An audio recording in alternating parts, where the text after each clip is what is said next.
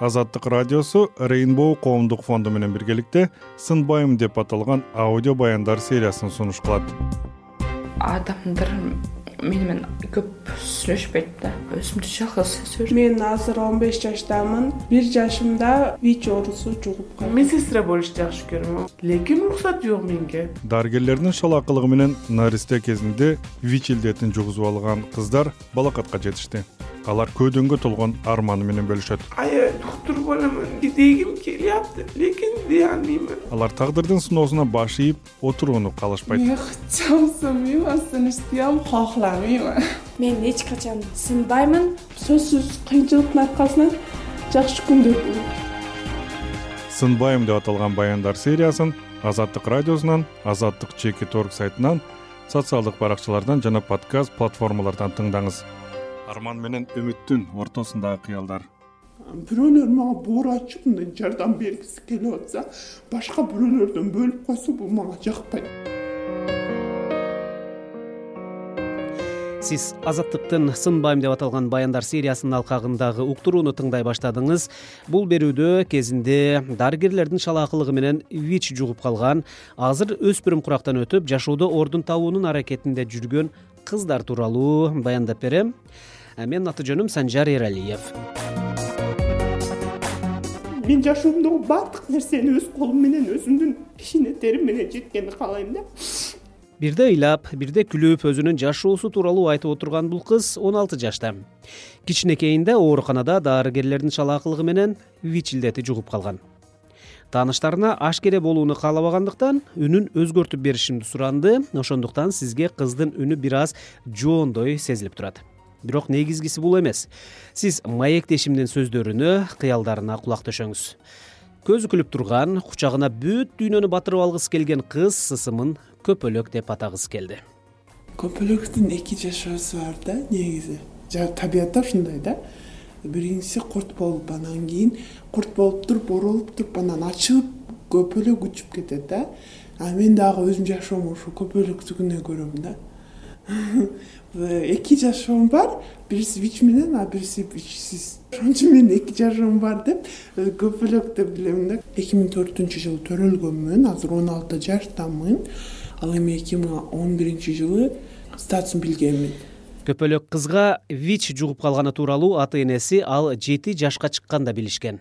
Көп ооруй бергендиктен тынбай бейтапканага барып жүрүп кан тапшырганда ушул айык кыз дарт илешкени ачыкка чыккан көпөлөк жети жашынан бери күнүгө дары ичет. Дарыны республикалык спид бирикмеси жана бейөкмөт уюмдардын адистеринин жардамында акысыз алып турат башталганда дары башталганда кичине оорчулуктар болот. Мисалы кусуп бериши мүмкүн. Как бы организм менен дарынын арасында келишпестиктер болот. А так мен биринчи баштаганда жаш экенм дагы организмим мындай эрте көнүгүп кеткен да ошого мындай көнүгүп кеткен и мен ал кыйынчылыктарды эстебейм психологический жактан э, мажбур болосуң да как бы мажбурлук болгондо мындай үстүңдөн бирөө басып как бы мажбурлагандай болосуң. Мен биринчи дарыны ичип баштаганда биринчи класста саатты билбейт элем анан дары ичиш керек деген күндөн баштап саатты үйрөндүм мен. Бир мүнөт эрте дагы бир мүнөт кеч дагы ичкен бул баягы зыян келиши мүмкүн да. Ошого ошол күндөн баштап апам отургузуп ошол күнү эртең менен барып анализди эме кылып алгандан кийин түштөн кийин отургузуп апам мага саатты үйрөткөн да. Бизде чоң саат бар эле үйдө. Ошол сааттан будильник коюп коюп эметип баштадым. Анан кийин телефон алдым. Бир телефон бар эле бизде үйдө. Апам экөөбүз иштеткен. Телефонго будильник коюп коюп ошол телефон кийин жоголду. Жоголгонго чейин ошо будильник өчкөн жок да бир будильникчи анан эртең менен кечинде ичет элем башында аябай көп дары ичет элем дарынын идиши эки же үч дары калганда мен үчүн майрам болот эле да. Мындай биз анда шаарда жашайт элек шаардын немеде шаарда домдун астында эме бар эле. Э, гүлдөр өсүп турат эле өзү элечи чыгып алган гүлдөр бар эле. Ошол гүлдөргө чыгып алып ошол гүлдөр менен сүйлөшөт элем дарым түгөдү депчи дарым түгөдү бүгүн түгөйт деди элем анан ойноп эшиктен ойноп киргенде уже карасам башка баягы дары идишим кайра толуп калган болот эле да. Ушинтип кыйналганмын. Анан уже мага аябай кыйын болду да. Ушу дарыны өмүр бою ичесиң деген нерсени кабыл алыш аябай кыйын болду. Үйрөнүп калдым кийинчи телефон өчүп калат экен кээде унутуп калат экенсиң серьезночу күнүгө күнүгө бир убакытты күнүгө эстеш аябай кыйын экен аябай кыйын экен. Сегиз болгондо ичет элем сегиз болгонду ойноп калат экенсиң чай ичип калат экенсиң башка кылып калат экенсиң анан эстеш аябай кыйын экен да. Өзүңүз деле кайталап көрсөңүз болот өзүңүз үчүн дечи бир сууну мындай айнекке коюп коюп ушуну сууну мен саат он экиде күндө ичем десең аябай кыйын болот. Же беш мүнөт өтүп көрө бересиң же совсем ичпей коюшуң мүмкүн ошол суунучу ушундай эле мисал да булчу негизи аябай кыйналабыз ошо дарыны баягы приверженность сактап дайыма ичишке. Бирок адам өзү өзү жүрөгүң эме болуп калат экен да. Кээде мен телефонум дагы өчүп өзүм дагы акылман кетип калган да. Анан жетинчи класс белем ошондо сездим мен уже. Дары менен бирге болуп калганымычы идиш жууаттым эле идиш жууаттым эле. Анан эле идиш колуман түшүп кетти дагы жүрөгүм жаман калааты болуп кетти да. Өзүмчө эле башкача болуп кеттим анан эстеп кеттим ошондо пиала сынганды эстеп кеттим. Көрсө ошол моментте дарым болгон экен да. Анан дарым ичип алып туруп анан кеттим. И мен аябай сүйүндүм что мен дары менен бирге жашап дос болуп калганыма ужечи чтобы мага мен дарыны эстебесем дары мага мени эстетип атканын кубандым көпөлөк өзү вич оорулуу экенин он бир жашында билген балдарга жана өспүрүмдөргө бейтаптыгы тууралуу ачык айтуу да чоң жараян. Оштогу рейнбоу коомдук фонду бир канча жылдан бери ушул маселе менен алектенет. Көпөлөктү да уюмдун адистери психологиялык жактан бир канча жыл даярданып андан кийин ачык маалымат беришкен.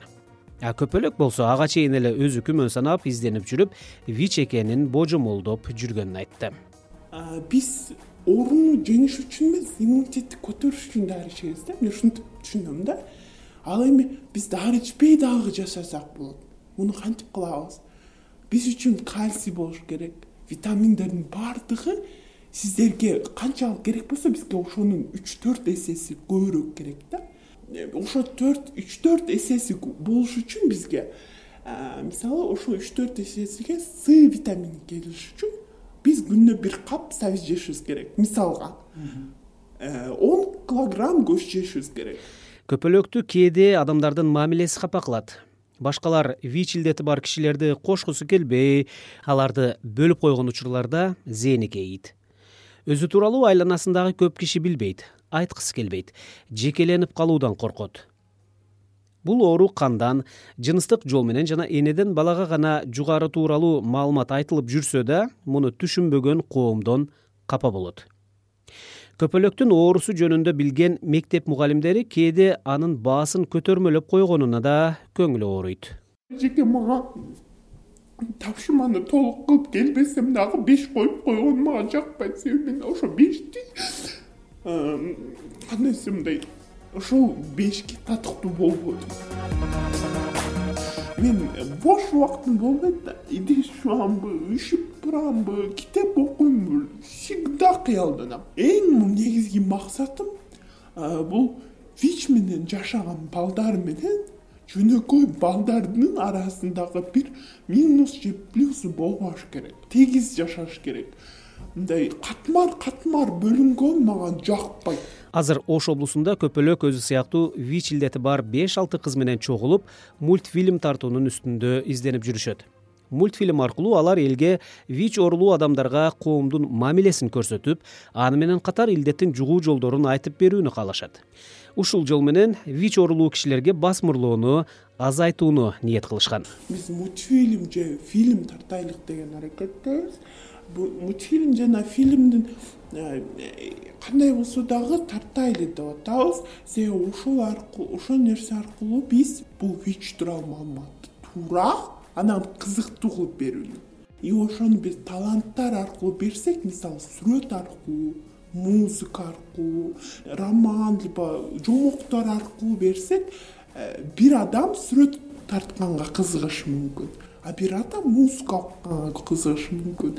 Анан алар вичке эмес музыкага сүрөткө маани беришет сиз азаттык радиосундагы сынбайм деп аталган баяндар сериясындагы уктурууну тыңдадыңыз. Каарманым он алты жаштагы көпөлөк болду. Баса ал он сегиз жашка толо элек болгондуктан маектин алдында ата энесинен жана өзүнөн интервью үчүн уруксат алынган. Эске сала кетсем эки миң алтынчы эки миң жетинчи жылдары ош жалал абад облустарындагы ооруканаларда дарыгерлердин шалаакылыгы менен үч жүз сексен эки наристеге вич жугуп калган. Алардын айрымдары жашоо менен кош айтышты көпчүлүк балдар кыздар чоңоюп азыр балакатка жетип калган кез. Аларга мамлекеттен жөлөк пул эл аралык уюмдардан республикалык спид бирикмеси аркылуу акысыз дары берилип турат. Кийинки уктурууда көпөлөк сыяктуу дагы башка кыздардын баяндарын угасыз. Менин аты жөнүм санжар эралиев